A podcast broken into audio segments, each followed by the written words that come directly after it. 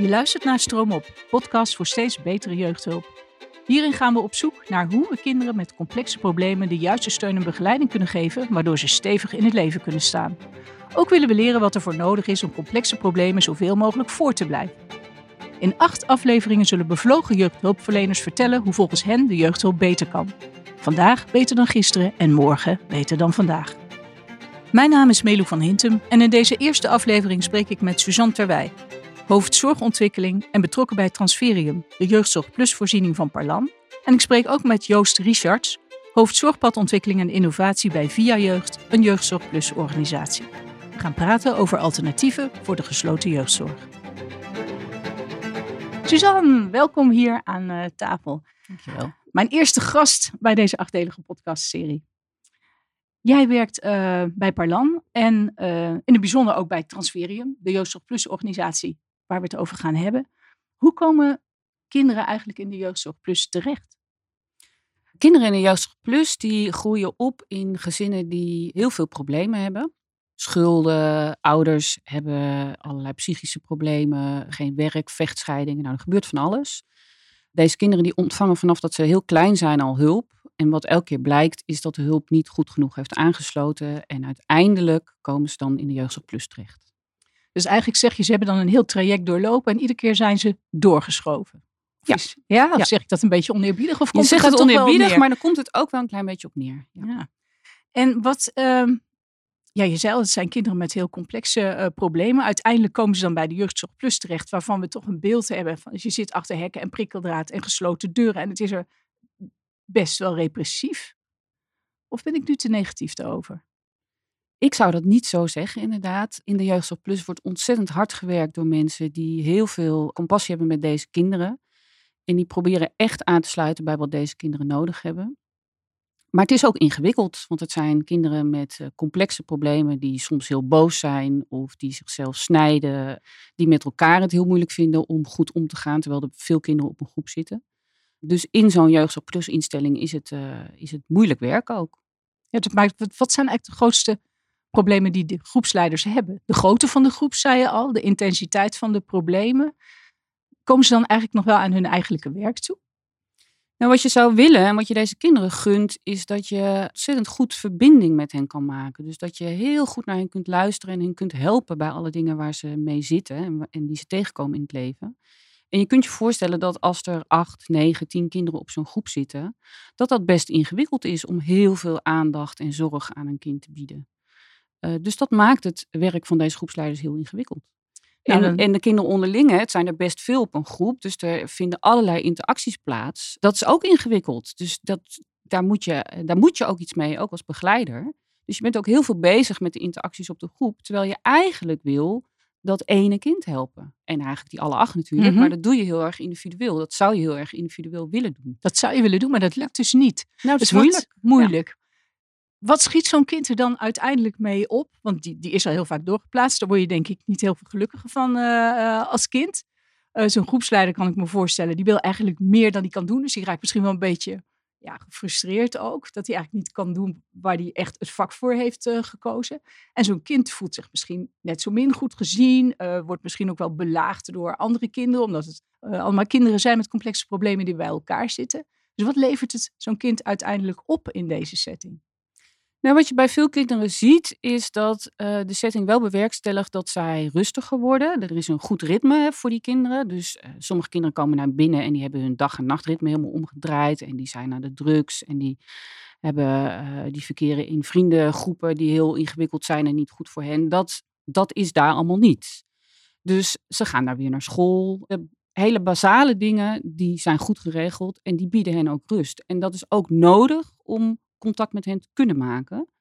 Dus het is wel degelijk helpend voor kinderen.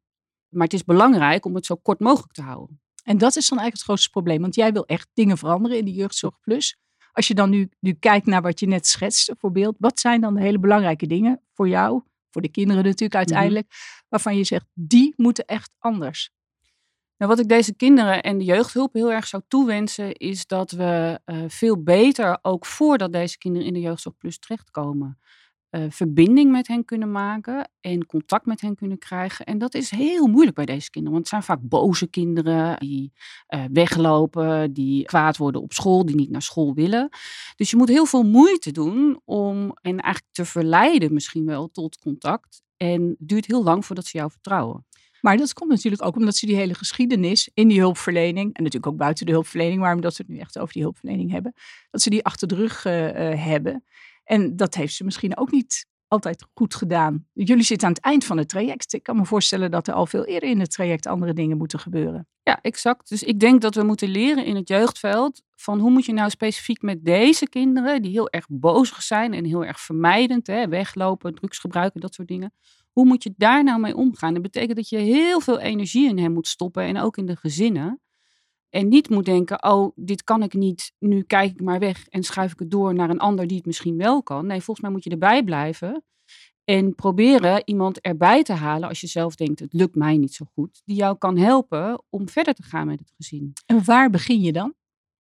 Hoe bedoel je dat? Waar begin je dan? Nou, het probleem, er komt een keer een eerste probleem. Het is natuurlijk het beste, kan ik me voorstellen, als je daar heel snel op zit. Ja, zeker. Als je het over hebt van, we moeten eigenlijk, zoals jij het schetst, zou je denken, Eigenlijk zouden die kinderen niet eens in de jeugdzorg plus meer terecht moeten komen, omdat er al allerlei haltes of stations, hoe je het ook wil noemen, gepasseerd zijn, waarop al eerder op een manier, ja, ingegrepen klinkt zo, maar toch, gekeken dan voor mijn part en gehandeld had kunnen worden, dat dat misschien afgebogen of afgewend had kunnen worden.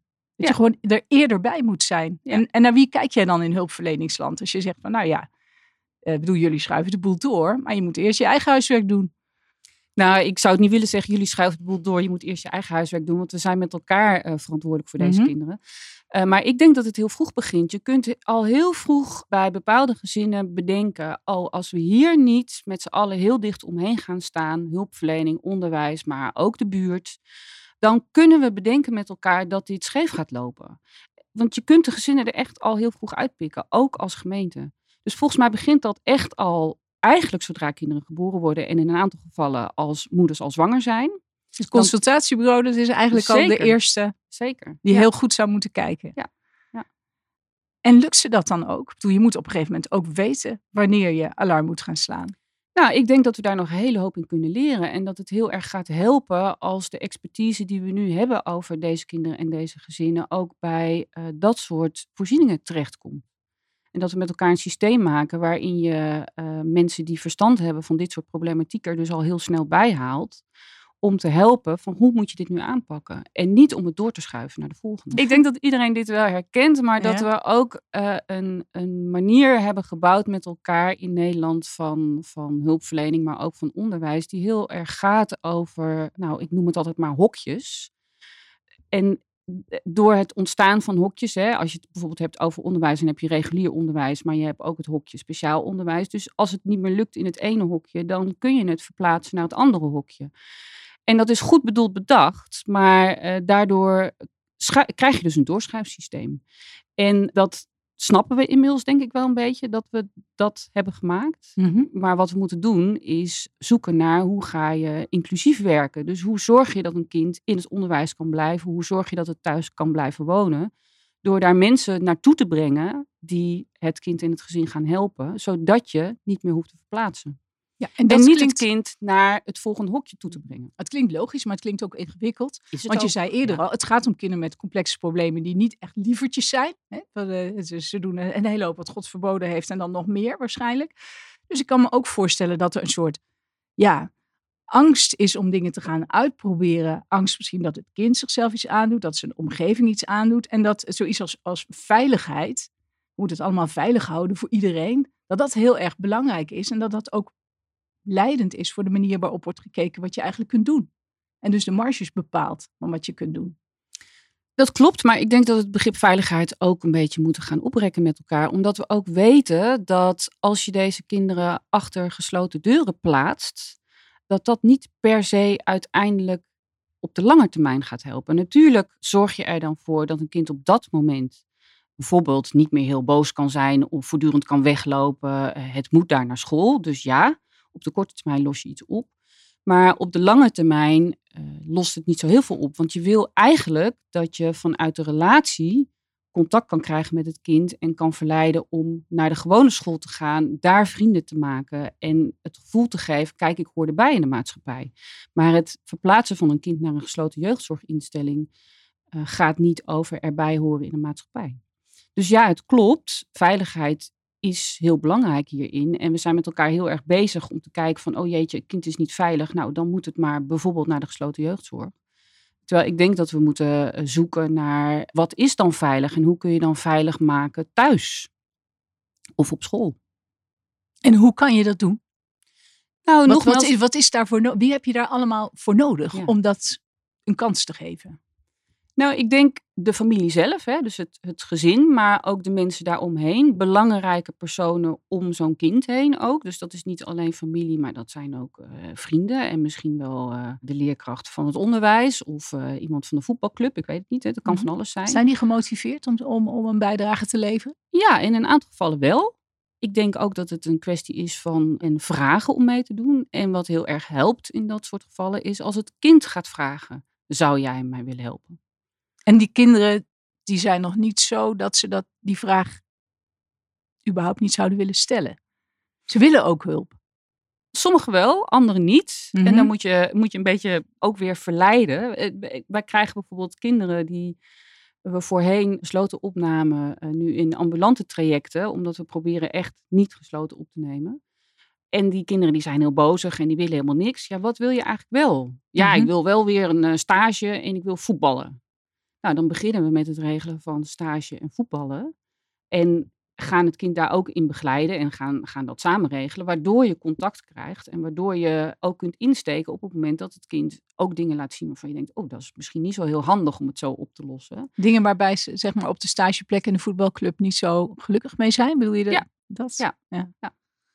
Om dan ook te zeggen, goh, maar hè, we, zitten nu op die stage of we zitten bij die voetbalclub. Dat zou jammer zijn als je hier weg zou moeten. Maar we hebben nu wel een probleem.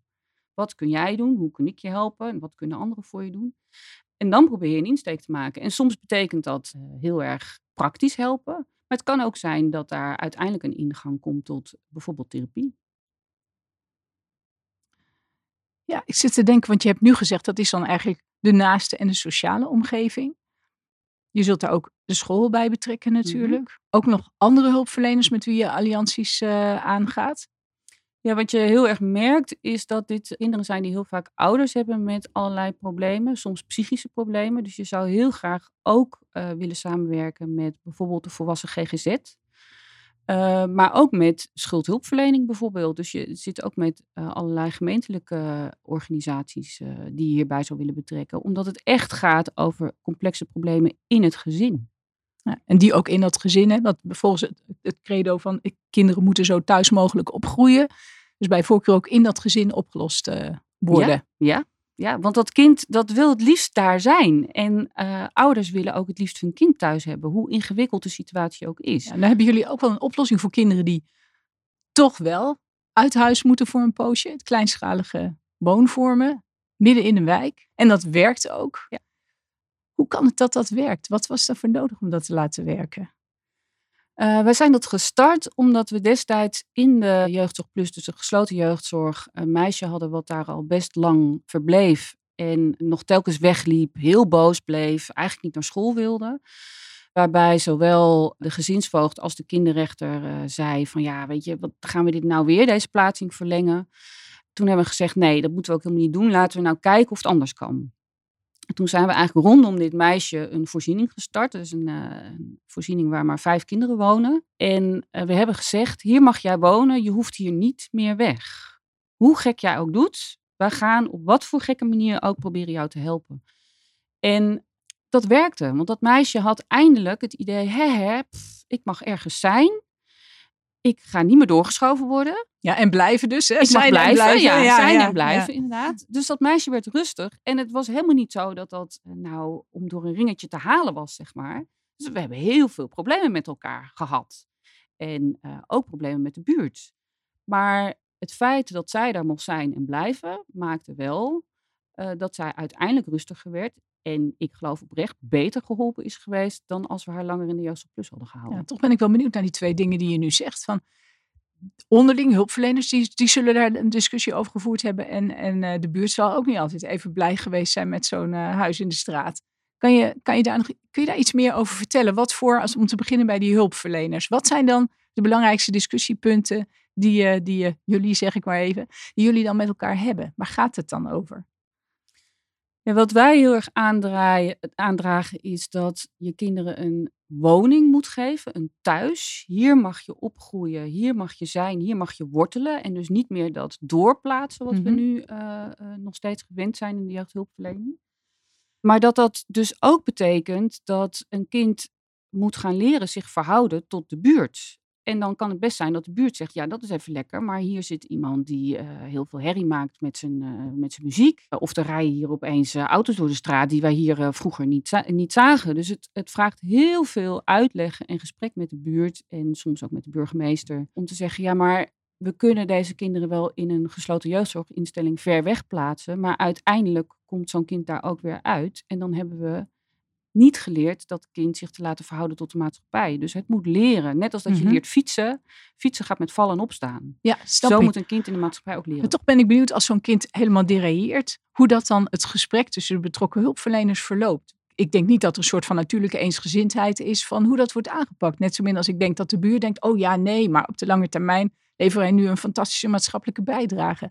Wat zijn nou de, de, zeg maar echt de, de pijnpunten dan die voorbij komen? Wat is lastig? Nou, het gaat opnieuw weer over veiligheid. En eh wiens taak het nou is om voor de veiligheid van het kind te zorgen. Dus een, een gezinsvoogd eh, is vaak bezig met het is mijn taak om te zorgen dat het kind veilig is. Eh, waarop ik dan kan zeggen, ja, dat is ook zo, maar het is ook mijn taak. En het is daarbij ook nog mijn taak om te zorgen dat het kind zich gaat ontwikkelen. En ook volgens mij jouw taak. Dus Mhm. hoe krijgen we nou ontwikkeling op gang? Dus het gaat volgens mij de hele tijd over eh, verder wegkijken dan nu. Wat is nou helpend om een kind zich te laten ontwikkelen? En eh, Dus je moet eigenlijk, als, als ik je goed begrijp, een lange termijn perspectief delen. En Ja. proberen een beetje afstand te nemen van eh, wat hier nu alle minuten eigenlijk het beste is. Maar dat in het licht zetten van die eh, stip op de horizon. Wat willen we met het kind uiteindelijk bereiken? En als we dan kijken naar wat, wat voor actie we nu kunnen ondernemen, draagt dat dan daaraan bij? Of lopen we daar verder van weg? Is dat dan steeds zeg maar je referentiepunt? ja, het gaat om het lange termijn perspectief en het gaat om eh, gezamenlijke verantwoordelijkheid, gedeelde verantwoordelijkheid. Dit kind is van ons allemaal. Het is van mij als hulpverlener, het is van die gezinsvoogd, maar het is ook van de wijk en het is ook van die ouders en het is ook van die leerkracht. Het zijn onze kinderen. Mhm. En als wij willen dat ze uiteindelijk in de maatschappij goed, goed terechtkomen, dan zullen we daar allemaal ons steentje aan moeten bijdragen. En dat betekent in sommige gevallen heel moeilijke dingen. Noem eens een voorbeeld. Wat is een heel moeilijk ding? Nou, het, het voorbeeld wat je net bijvoorbeeld zei, eh, het betekent dus ook dat, dat je kinderen in de wijk krijgt, eh, waar je misschien in eerste instantie van dacht, oh, wonen die ook in deze wijk? Hmm. Ja, Ja, want ook daar ben, ik nou, wijk. daar ben ik Ja. nou echt wel benieuwd naar. Van je kunt zeggen, ja, we gaan naar de buurt toe en, en we gaan dat uitleggen en zo. Maar ja, dan ga je dat vertellen. Maar dan, het is niet per se zo dat mensen dan denken, oh ja, maar nee, nu vind ik die keiharde muziek prima. En dat ze in mijn voortuin pissen, weet je. Dat kan me niks schelen meer, want eh, ik weet nu dat wat het hogere doel is. Ik denk niet dat heel veel mensen zo meteen zo, zo enthousiast eh, reageren, toch? Zeker niet. Maar het is natuurlijk niet eh, zo dat dat de hele dag gebeurt. Nee, en nee. natuurlijk gaan we deze kinderen daar ook bij helpen om dat niet te doen. En te laten zien, weet je, je woont hier in een buurt, dus je moet je ook anders gedragen. Ja, maar toch, Dus hoe vraagt- motiveer je de buurt? Daar ben ik toch wel echt benieuwd naar. nou, want- dat vraagt wel om heel veel eh, gesprekken vooraf, voordat je daar gaat zijn, zeg maar, gaat zitten. Maar ook tijdens en ook na incidenten, ja. Dus dan ga je ook langs en dan eh, ga je ook praten over hoe kunnen wij dit verbeteren en hoe kunt u daar ook als buurt eh, aan bijdragen, als, als de buurt dat wil. Maar ook, dat vraagt ook heel veel eh, Hm. gesprek. En kan je dan toch een voorbeeld geven van wat je dan terugkrijgt uit zo'n buurt? Nou, dus dat, ja, dat hangt een beetje van de buurt af natuurlijk. En het verschilt ook per buurtbewoner. Er zijn mensen die, die, die gaan helpen.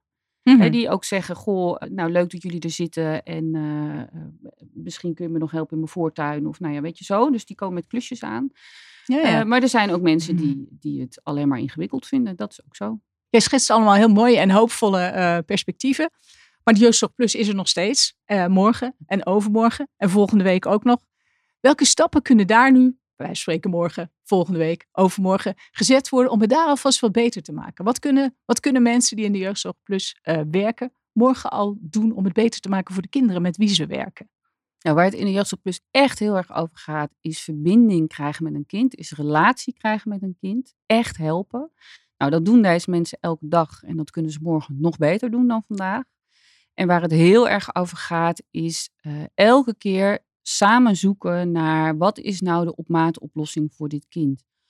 Ook in de zin van waar kan het kind naartoe uitstromen. Dus hou zo'n plaatsing zo kort mogelijk. Ga daar echt met elkaar meteen over in overleg. Van waar gaat dit kind nou uiteindelijk wonen? Is dat thuis of in een pleeg, pleeggezin of een gezinshuis of een kleinschalige woonvorm? Als je snel perspectief kunt creëren voor een kind, uh, gaat een kind in beweging komen. Dat is wat ze kunnen doen. Dankjewel, Suzanne. Mijn volgende gast aan tafel, Joost Richard, heeft ook ideeën over alternatieven voor de Jeugdzorg Plus. En hij wil bovendien de Jeugdzorg Plus van binnenuit veranderen. En daar gaan we het om te beginnen over hebben. Welkom Joost, jij bent hoofd zorgpadontwikkeling en innovatie bij Via Jeugd. En wat doet zo'n hoofd zorgpadontwikkeling en innovatie nou eigenlijk precies? Het is een hele mond vol. Waar, waar begint je werkdag mee? Um, ja, welkom. Dank dat ik er mag zijn. Ik, uh, mijn werkdag begint eigenlijk met uh, nadenken over hoe kan ik vandaag zorgen dat de zorg een beetje beter gaat. En vervolgens uh, ben ik vooral heel veel bezig met hoe kan ik nou zorgen dat ik vanuit mijn functie, want ik vind dat ik een ondersteunende functie heb, dat ik vanuit mijn functie kan bijdragen aan het ontwikkelen van de zorg. Dus zodat die groepsleider, die eigenlijk de zorg levert, dat is onze belangrijkste waarde, denk ik dat die zo goed mogelijk de zorg kan leveren aan onze kinderen. En dat zij zo lekker mogelijk in hun vel zitten, zodat ze de zorg die ze bieden, uh, nou ja, optimaal is of zo. Dat, dat, is, dat is waar ik continu aan denk als ik denk aan wat moet ik doen. Hoe lang zit je zelf al in de Jeugdzorg Plus? Ik ben begonnen in de Jeugdzorg Plus in 2011 als uh, gedragswetenschapper. Dus toen heb ik als uh, behandelcoördinator op, op de groep gestaan. Met name bij meiden. En vervolgens ben ik een uitstapje gaan doen naar de justitiële jeugdzorg. Daar heb ik ook gewerkt als eh, gedragswetenschapper. En toen ben ik teruggegaan naar de, naar de Jeugdzorg Plus. Wat heb je van die twee eerdere ervaringen meegenomen naar de Jeugdzorg Plus? Dat het ontzettend ingewikkeld werk is, um, waarbij je voortdurend moet nadenken over dat wat je vanuit, noem maar even het beleidskader, oplegt uh, aan de zorg, dat dat wel moet passen. En dat, dat is eigenlijk de voortdurende balans. En wat ik heb meegenomen is dat je dus heel goed moet luisteren naar uh, mensen die op de groep staan. En ook heel goed moet luisteren naar jongeren.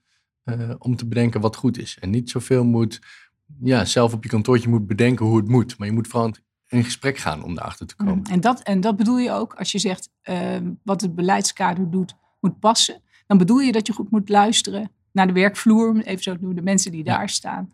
En naar de jongeren met wie, ze, met, met wie zij werken en voor wie het eigenlijk allemaal doet. Ja. Jij zit nu dus als het ware aan de, aan de andere kant, als ik het zo mag zeggen, want je staat niet meer op een groep. Maar toen je er nog wel op stond, lang, lang geleden, maar niet zo lang geleden, om niet meer te weten hmm. wat je toen opviel. Um, wat mij opviel. Waar liep je zelf tegenaan? Misschien moet ik de vraag wel preciezer stellen. Um, wat ik altijd ingewikkeld vind en, uh, en nog meer vond, uh, is een deur dichtdraaien. En dat klinkt misschien heel gek, maar ik vraag altijd nog aan mensen: hoe vind je het om een deur op slot te draaien waar een jongere achter verblijft? En dan zeggen mensen vaak: ah, het went. En dat vind ik, dat vind ik altijd schrikken, want dat zou niet moeten wennen. En ik, dat probeer ik altijd nog vast te houden. Dat gevoel dat je, dat je een deur dichtdraait waar een jongere achter verblijft, dat vind ik zoiets onnatuurlijks. Um, dus dat is waar ik vaak nog aan terugdenk. Aan dat gevoel van op de groep staan en een deur achter iemand dichtdraaien. En even voor de goede orde, dan heb je het vooral over een individuele deur voor een individueel kind. Want ja. in feite zitten de kinderen in de jeugdzorg plus natuurlijk ook achter, achter een hele grote gesloten deur, de hekken ja. en het prikkeldraad. Ja. De, hoe, hoe vind je dat? Um, je bedoelt dat ze, achter, dat ze als, als groepje ook uh, opgesloten ja, ja, zitten? Ja, dat bedoel ik. Um, dat ze als groep opgesloten zitten, dat vind, ik een, um, dat vind ik eigenlijk jammer. En dat is waar we tekortschieten in de zorg. Ik vind eigenlijk dat dat heel erg symbool staat voor datgene wat we niet kunnen. En dat wat we niet kunnen, lossen we op door een hek neer te zetten en daar wel of geen prikkeldraad op te maken. Um, en dat is volgens mij maken we een soort van fysieke barrière, omdat we de relationele veiligheid niet goed kunnen bieden in Jeugdzorg Plus. Ergens is dat misschien een beetje begrijpelijk als je kijkt naar, eh, nou er staan twee groepsleiders op acht eh, jongeren. Aan die jongeren hebben ze hun handen vol natuurlijk. En die groepsleiders die moeten ook heel goed weten hoe ze met die jongeren om kunnen gaan. Mhm. Dat is misschien niet altijd het geval gezien hun achtergrond en hun opleiding.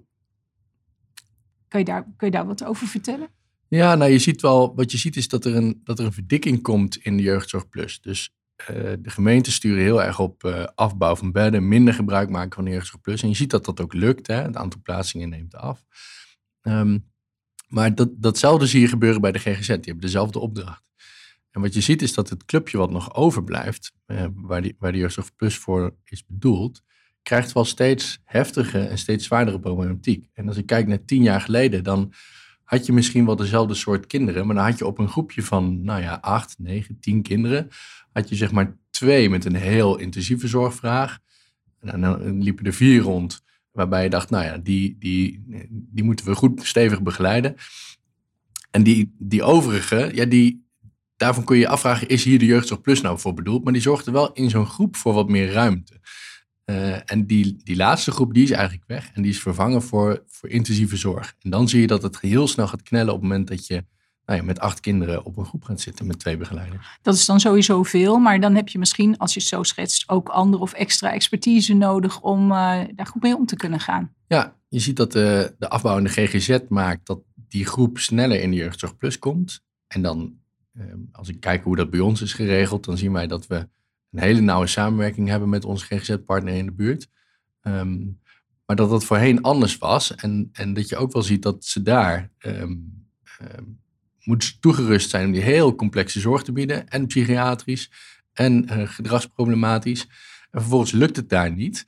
En dan worden ze, uh, even flauw gezegd, over de, over de uh, schutting gekieperd. Wat kun je in zulke omstandigheden dan van groepsleiders eigenlijk verwachten? wat je van ze kunt verwachten en wat je van ze moet verwachten, dat ligt dan wel ver uit elkaar. Um, wat dan gebeurt, is dat die groepsleiders zich heel snel onthand voelen. Want die willen heel graag de beste zorg leveren. Want het zijn echt, één voor één zijn het allemaal toppers. Die staan iedere dag op een groep met acht kinderen. Het is ontzettend ingewikkeld werk, maar dat wordt nog ingewikkelder op het moment dat daar jongeren bij zitten die ernstige psychische problemen hebben, bijvoorbeeld uh, psychotisch worden of uh, ernstig depressief zijn en suicidaal. En wat je dan ziet gebeuren is dat die groepsleiders gewoon niet goed snappen hoe ze daarmee om moeten gaan. Ze willen mm -hmm. het wel heel graag, maar ze snappen niet zo goed hoe ze daarmee om moeten gaan. En dan mis je, dan mis je eigenlijk een intense samenwerking met de GGZ. Dan mis je vanuit de achtergrond van die groepsleiders, dat zijn meestal mensen die social work hebben gestudeerd bijvoorbeeld. Um, daar zit gewoon maar een hele kleine psychiatrische component in. Dus die weten gewoon niet zo goed wat we moeten doen. Dus je kunt wel een hele hoop verwachten. Mm -hmm. Ja, als ik van jou verwacht om morgen een huis te timmeren of te bouwen, dan ben je misschien wel heel handig en heel intelligent, maar dat kun je toch gewoon nog niet. Um, ja, dus wat, en dus wat gebeurt er dan eigenlijk in de praktijk? Dan overvragen we ze. Ja. En, dan, en, wat, en wat is daar dan het effect van uh, voor hun handelen? Uh, het effect van het overvragen is dat zij daarmee niet optimale zorg kunnen bieden aan jongeren. En waar drukt zich dat in uit? Wat, wat gebeurt er dan op nou, bepaalde ik denk momenten? Dat, ik denk dat je dan die symbolen ziet die ik eerder beschreef, van die hekken. En, en, en dat, dat je meer grijpt naar, als je niet meer weet wat je moet doen, dan, dan ga, je op, ga je naar veiligheid handelen. En die veiligheid zit hem vaak door beperkte middelen in, ja, dan toch kiezen voor um, jongeren toch even op zijn kamer zetten. Of uh, uh, toch ergens, ergens plaatsen waar die, waar die liever even niet, of waar je zelf eigenlijk liever niet wil dat die zit. In een, in een separeerruimte of zoiets. Want daardoor kan je zeg maar, de groepsdynamiek misschien een beetje doorbreken. Door er één iemand uit te halen. En, en kan zo'n groepsleider het voor zichzelf ook veiliger maken. Ja. Ja maar het is niet wat jij wilt, bijvoorbeeld. Nee, en ik, nee, het is niet wat ik wil. Maar ik weet ook zeker dat het niet is wat die groepsleider wil. Um, want als je met ze spreekt, dan zeggen ze... Je, we, we, weten gewoon niet hoe we het anders moeten oplossen. En ze, de oplossing is heel simpel, hè? Of heel simpel. Dat klinkt Nou, vertel, maar, vertel. Nou, de oplossing is dat je, dat je zorgt dat er altijd iemand beschikbaar is om in crisisgevallen met zo'n jongere aan de slag te gaan. En dat dat er niet één is, maar twee. Um, maar het, het, team is zo krap opgezet dat daar gewoon nu de ruimte niet voor is. Dus dat is gewoon, als wij de mogelijkheid hebben om bij alle jongeren die dat vragen, uh, een extra groepsleider of twee extra groepsleiders bij te zetten, zodat je ze niet alleen hoeft te laten, dat je ze niet hoeft te separeren, dan kun je denk ik in nou, 95 tot misschien wel 100 procent van de gevallen kun je dat, kun je dat op die manier ehm, aanvliegen en tekenen. En dan, en dan zorg je voor relationele veiligheid en niet voor fysieke veiligheid. Dat is echt een groot verschil. Dus je zegt een extra iemand erbij. Ik kan me ook voorstellen dat uh, als mensen relatief lang werken, dat het op een gegeven moment ook een soort gewoonte is om met uh, jongeren op een bepaalde manier om te gaan. Mhm. En dat je daar, nou, dat daar ook wat werk te doen is. Ja, ja. Jeugdzorg Plus is natuurlijk ontstaan vanuit de JEI. Uh, en de JEI heeft toch een iets ander beleidskader dan Jeugdzorg Plus. Ook een ander wettelijk kader. Um, en daar staan, uh, nou ja, er is, ze zijn nu heel erg bezig met de harmonisatie van de jeugdwet en de beginselenwet. En daar willen ze iets voor, voor gaan samenvoegen. Um, en daar wordt bijvoorbeeld nog de mogelijkheid geboden om iemand disciplinair een week op een strafcel te plaatsen. Nou ja, als dat soort termen nog in de wet staan. In de JEI hebben we het nu over, hè? Ja, even voor ja. de goede orde. Ja, Ja, nee, dat is nog in de JEI. Maar, maar als je ziet dat, dat daar de Ja. jeugdzorg plus van afstamt, dan snap je ook wel waarom ehm, er nou, vanuit een behoorlijk repressief kader natuurlijk nu toch wel een veel meer zorgend kader gewerkt wordt. En dan snap je ook waar bepaalde gedragingen en patronen en cultuur vandaan komt. Dus dat je, je gaat, zeg maar, het, het idee dat, dat straffen echt helpt, dat is er nog wel een beetje ook in de jeugdzorg plus. Ehm, dat wordt minder. Ehm, en ik denk wel dat, dat medewerkers steeds beter begrijpen dat straffen alleen echt helemaal niks helpt. Mhm.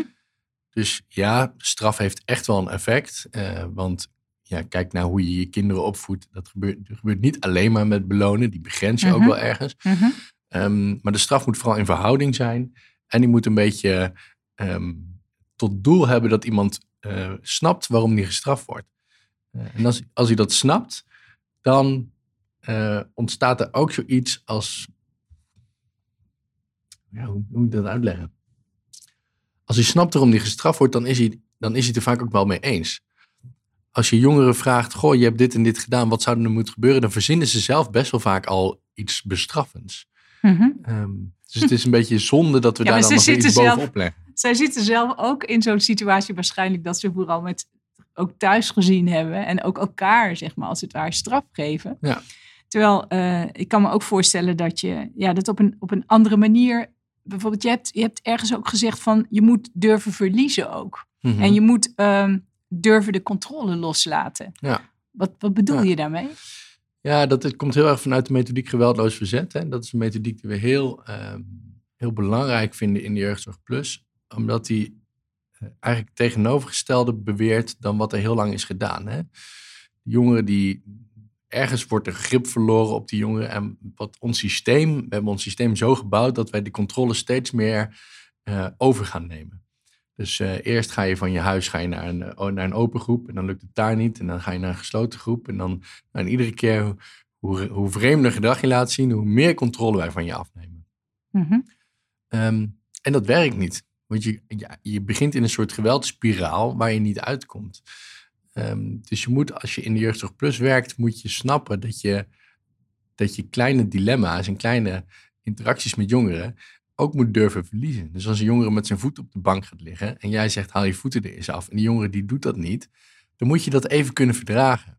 En dan moet je niet zeggen, oh, als je nu niet je Het is voeten dan... iets eh, heel kleins wat je nu noemt. Ja, Gaat het echt over zulke kleine dingen? maar soms gaat het over zulke kleine dingen. En het gaat, het gaat ook over grotere dingen, maar, maar heel veel ehm, ehm, problemen in groepen ontstaan bij dit soort kleine dingen. Die ontstaan bij klein irritant gedrag, waarvan je als groep zijn denkt, shit, hier moet ik eigenlijk op reageren. Want als ik dat niet doe, ja, dan verlies ik, dan verlies ik de regie Dus het over hek deze van de groep. dam Dus het hek zo. van de dam, Ja, nou ja, ja. dat soort dingen. En ja, wat als ze dat allemaal doen, hoor je dan wel eens. Oh ja, strak houden die Ehm, handen. Ja. Ja. ook wel een beetje vanuit het idee, ja, wat nou als die groep eh, als een soort van groep tegen ons gaat. Hè? Dus dan krijg je zo'n soort wij-zij. En je probeert eigenlijk, ja, met de methodiek geweldloos verzet, probeer je te denken, oké, ik kan dit, dit trucje met die, met die voeten, dat kan ik wel even verliezen. En zo zijn er ook grotere dingen waarvan je moet durven verliezen van de jongeren, om hem uiteindelijk, doordat je zegt, goh, ik vind het wel vervelend dat je dit zo doet, ik zou graag willen dat je je aanpast. En dat herhaal, je alleen maar dat die jongen uiteindelijk zelf dat gedrag aanpast en dat je hem dan beloont. En dan hoop je dat zo'n jongen snapt dat dat het gewenste gedrag is. Dus dat je niet heel veel energie gaat steken in het negatieve gedrag, maar dat je vooral eh, bekrachtigt op dat, op dat positieve gedrag waarin ze zelf die verandering hebben gemaakt. Mhm. Ja, en jij ziet ook dat dat werkt in de praktijk. Dat werkt. Dat is heel erg moeilijk. Het is echt heel erg Mhm. moeilijk, maar het Kost werkt tijd, wel. kost energie waarschijnlijk. Maar ja. Ja. de andere kant kost ook energie natuurlijk. Ja, Ja. ja. En toch tegelijkertijd willen we eigenlijk helemaal niet dat die kinderen in Jeugdzorg Plus terechtkomen. Nee. Wat zou je het liefste doen om ze te helpen? Nou, als je overnieuw zou mogen beginnen, Ja, Opnieuw? helemaal opnieuw. als je opnieuw zou mogen beginnen, dan zou je de Jeugdzorg Plus denk ik gewoon dicht moeten doen. Zou je niet moeten laten bestaan. En dan, eh, dan wil je eigenlijk dat het probleem begint ergens bij ouders die zeggen help, ik red het niet meer. Om welke reden dan ook. En de meeste ouders, of ik denk alle ouders, die, hebben alle goeds eh, over voor hun kinderen. Ehm, en eigenlijk wil je dat gaan ondersteunen. En ook als dat heel veel tijd, heel veel energie en heel veel geld kost, dan moet dat daar gebeuren. En dan moet dat niet op een groep. Ehm, Dus wat ga je doen dan? Wat zou, wat zou zeg maar jouw ideale oplossing zijn? Je krijgt gewoon die hele zak met geld en die mensen en die expertise. Joost Richards, los ons probleem op. ja, dat is wel een grote verantwoordelijkheid meteen. Maar ik heb wel eens genoemd wat, wat, wat slim zou zijn, is dat we de zorg veel meer naar, naar thuis zouden brengen. En dan loop je al eh, tegen heel ingewikkelde bezwaren aan van, eh, ja, moeten die groepszijden daar dan ook slapen? Want je wil eigenlijk dat die 24 uur beschikbaar zijn. Dus dan heb ik het wel eens gehad over een soort van behandelbus. Die je dan voor het huis zet van die mensen die, zodat je echt nabij bent, 24 uur per dag betrokken bent. En op misgaat dat je meteen kunt ingrijpen. Maar ook dat je elkaar kunt afwisselen. Dus je wil ook dat dat niet op één persoon, op één behandelaar hangt. Maar dat daar een teampje, dus eigenlijk een behandelbus waar een teampje in zit. Die kunnen roleren, kunnen ingrijpen, kunnen meedenken. Kunnen, nou ja, eigenlijk wil je, wil je dat je die ouders opnieuw of daarnaast gaat staan om, om ze op te leiden met hoe gaan we nou met dit probleem om. Oké, dus 24 uur zorg voor de deur. En wie zit er dan in dat team? Daar zitten mensen in die ehm, met een harte hulpverlening ingaan. Dus er zitten mensen in die snappen dat ehm, zorg niet eindigt om vijf uur. Eh, Nee, Ik bedoel eerlijk gezegd, dat, dat, dat, dat snap ik qua mentaliteit, maar ook qua expertise. Wie heb je allemaal nodig? Want je, als je in zo'n gezin staat, kom je waarschijnlijk ook allerlei andere problemen tegen. Waarvan het best wel handig is als die ook opgelost worden. Mm, Schulden, misschien psychische problematiek bij de ouders. ja, er eh, wordt, wordt- moet een soort eh, touringcar slecht worden. bus huis. Ja, voor wordt heel, heel groot Ja. wordt dat. Ja, ehm, wie moet er daarin? Nou ja, ik denk dat de mentaliteit belangrijker is dan de functie. Kijk, voor sommige problemen heb je, heb je een psychiater nodig. En voor sommige problemen heb je een goede traumatherapeut nodig. En voor sommige problemen een hele goede gezinstherapeut. Ehm, maar die moeten allemaal vanuit een bepaalde mindset daar werken. En niet vanuit een bepaalde titel. En dat is volgens mij wat er nodig is. En hoe groot die touringcar daar moet worden. En wie daar precies allemaal in moet zitten. Daar moet je me nog iets langer de tijd voor geven om daarover na te En hoe denken. lang die moet blijven staan. En hoe lang die moet blijven Wanneer staan. kan, wanneer kan hij een beetje weg? Want je gaat dat natuurlijk ook afbouwen op een gegeven moment. Ook in jouw, nou zelfs in jouw ideale model. Want het doel is natuurlijk dat de mensen het weer zelf kunnen. Ja, ik denk dat je kunt dat ehm, je kunt afbouwen. Iemand leerde mij ooit dat je, dat je pas leert, dan moet je een beetje vergelijken met zwemmen.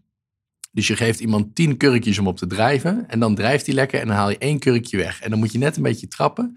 Eh, en dan zo kun je langzaam leren zwemmen. Dus ik denk dat we vanuit die metafoor moeten denken van oké, je geeft een familie eerst tien kurkjes, dan hebben ze het even fijn. En vervolgens trek je een kurkje weg. En op het moment dat ze daarmee leren zwemmen met die negen, dan haal je er weer een weg. En zo bouw je het af. Maar je moet, je moet wel toewerken naar iets van afbouw. Maar aan de andere kant moet je ook niet te snel af willen bouwen. Eh, omdat het nou eenmaal de bedoeling is. Of omdat er nou eenmaal maar een arrangement is wat zes maanden loopt. En ja, dan kun je niet acht maanden voor de deur blijven staan. Soms moet er misschien weer een kurkje bij, hè? Dat kan ook. En er nog. moet soms een kurkje bij. Ja. Ja. Hoe realistisch is, is dit perspectief? Ehm, ik denk dat het moet kunnen op het moment dat je, dat je het systeem drastisch verandert. En dat zit hem niet alleen hierin. Hè. Dat zit hem ook in. In eh, eh, er is een bureau jeugdzorg of GI's zijn er. Er is een raad voor de kinderbescherming. Er is eh, Veilig Thuis. Er zijn allemaal organisaties die zich bezighouden met kinderen. En die werken allemaal keihard. En die zijn allemaal heel erg druk. Ik denk als we dat nou eens, als we dat nou eens proberen te verenigen Bundelen, krachten proberen te bundelen. bundelen. Want als een Ja. gezinsvoogd 40 casussen heeft en iemand van de Raad van de Kinderbescherming heeft er 40, hè, die doen allemaal echt wel heel hard hun best. Als we nou zeggen, nou, dat, laten we daar eens mee stoppen en laten we eens één iemand aanstellen die daar echt de tijd voor kan nemen. In plaats van vier mensen eromheen zetten die allemaal een klein beetje tijd ervoor hebben. Dan kunnen we het denk ik wel oplossen. En heb je dan, dan heb je ook nog wel wat te maken met de gemeente, denk ik. en Met de, de wijk, eh, sociale wijkteams. Ja. eh, misschien te maken met de politiek. Ja, Krijg je ja. die er ook nog achter, denk je? Achter je Ehm, plan? Achter je ideaal? Ik denk dat ze er uiteindelijk, uiteindelijk zullen ze, zullen ze iets moeten. Dus we zullen met, met, de hele, met de hele jeugdzorg zullen we een kant op moeten die, die anders is dan nu is. En ja, systeemwijzigingen horen daarbij, maar er horen ook mentaliteitswijzigingen en ook maakbaarheidsdenken hoort daarbij. We moeten stoppen met denken dat we alle problemen kunnen oplossen. Sommige dingen horen ook gewoon bij het leven. Dat is ook iets waar we denk ik als maatschappij een duidelijke opdracht voor hebben. Dus dat we moeten stoppen met denken dat alles maar ideaal moet. Stoppen we als ouders met curlen, zodat onze kinderen allemaal een, een vlekkeloos en glad bestaan hebben. Sommige dingen zijn, het leven is gewoon soms ook gewoon kut. En ja, dat hoort er dan gewoon bij. En dat, ja, dat moeten we ook accepteren. En dan moeten we ook gewoon van denken, ja, de, daar kun je van groeien weer. Je hebt ons veel eh, food for thought gegeven. Dankjewel. Joost, dankjewel. Dank je. Dit was de eerste aflevering van Stroom Op, een achtdelige podcastserie waarin we onderzoeken hoe we de jeugdhulp kunnen verbeteren. Aan deze aflevering werkten mee Suzanne Terwij, Joost Richards, Jochem Tames en Melu van Hinten. Stroom Op, podcast voor steeds betere jeugdhulp, wordt gemaakt door Stroom Op samen met BGZJ, branches gespecialiseerde zorg voor jeugd. De acht afleveringen vormen de aanloop naar Stroom Oploop, het hybride congres voor jeugdhulpprofessionals die verder willen kijken en dieper willen graven om de jeugdhulp te verbeteren. Je kunt je voor dit congres gratis aanmelden via de website bgzj.nl.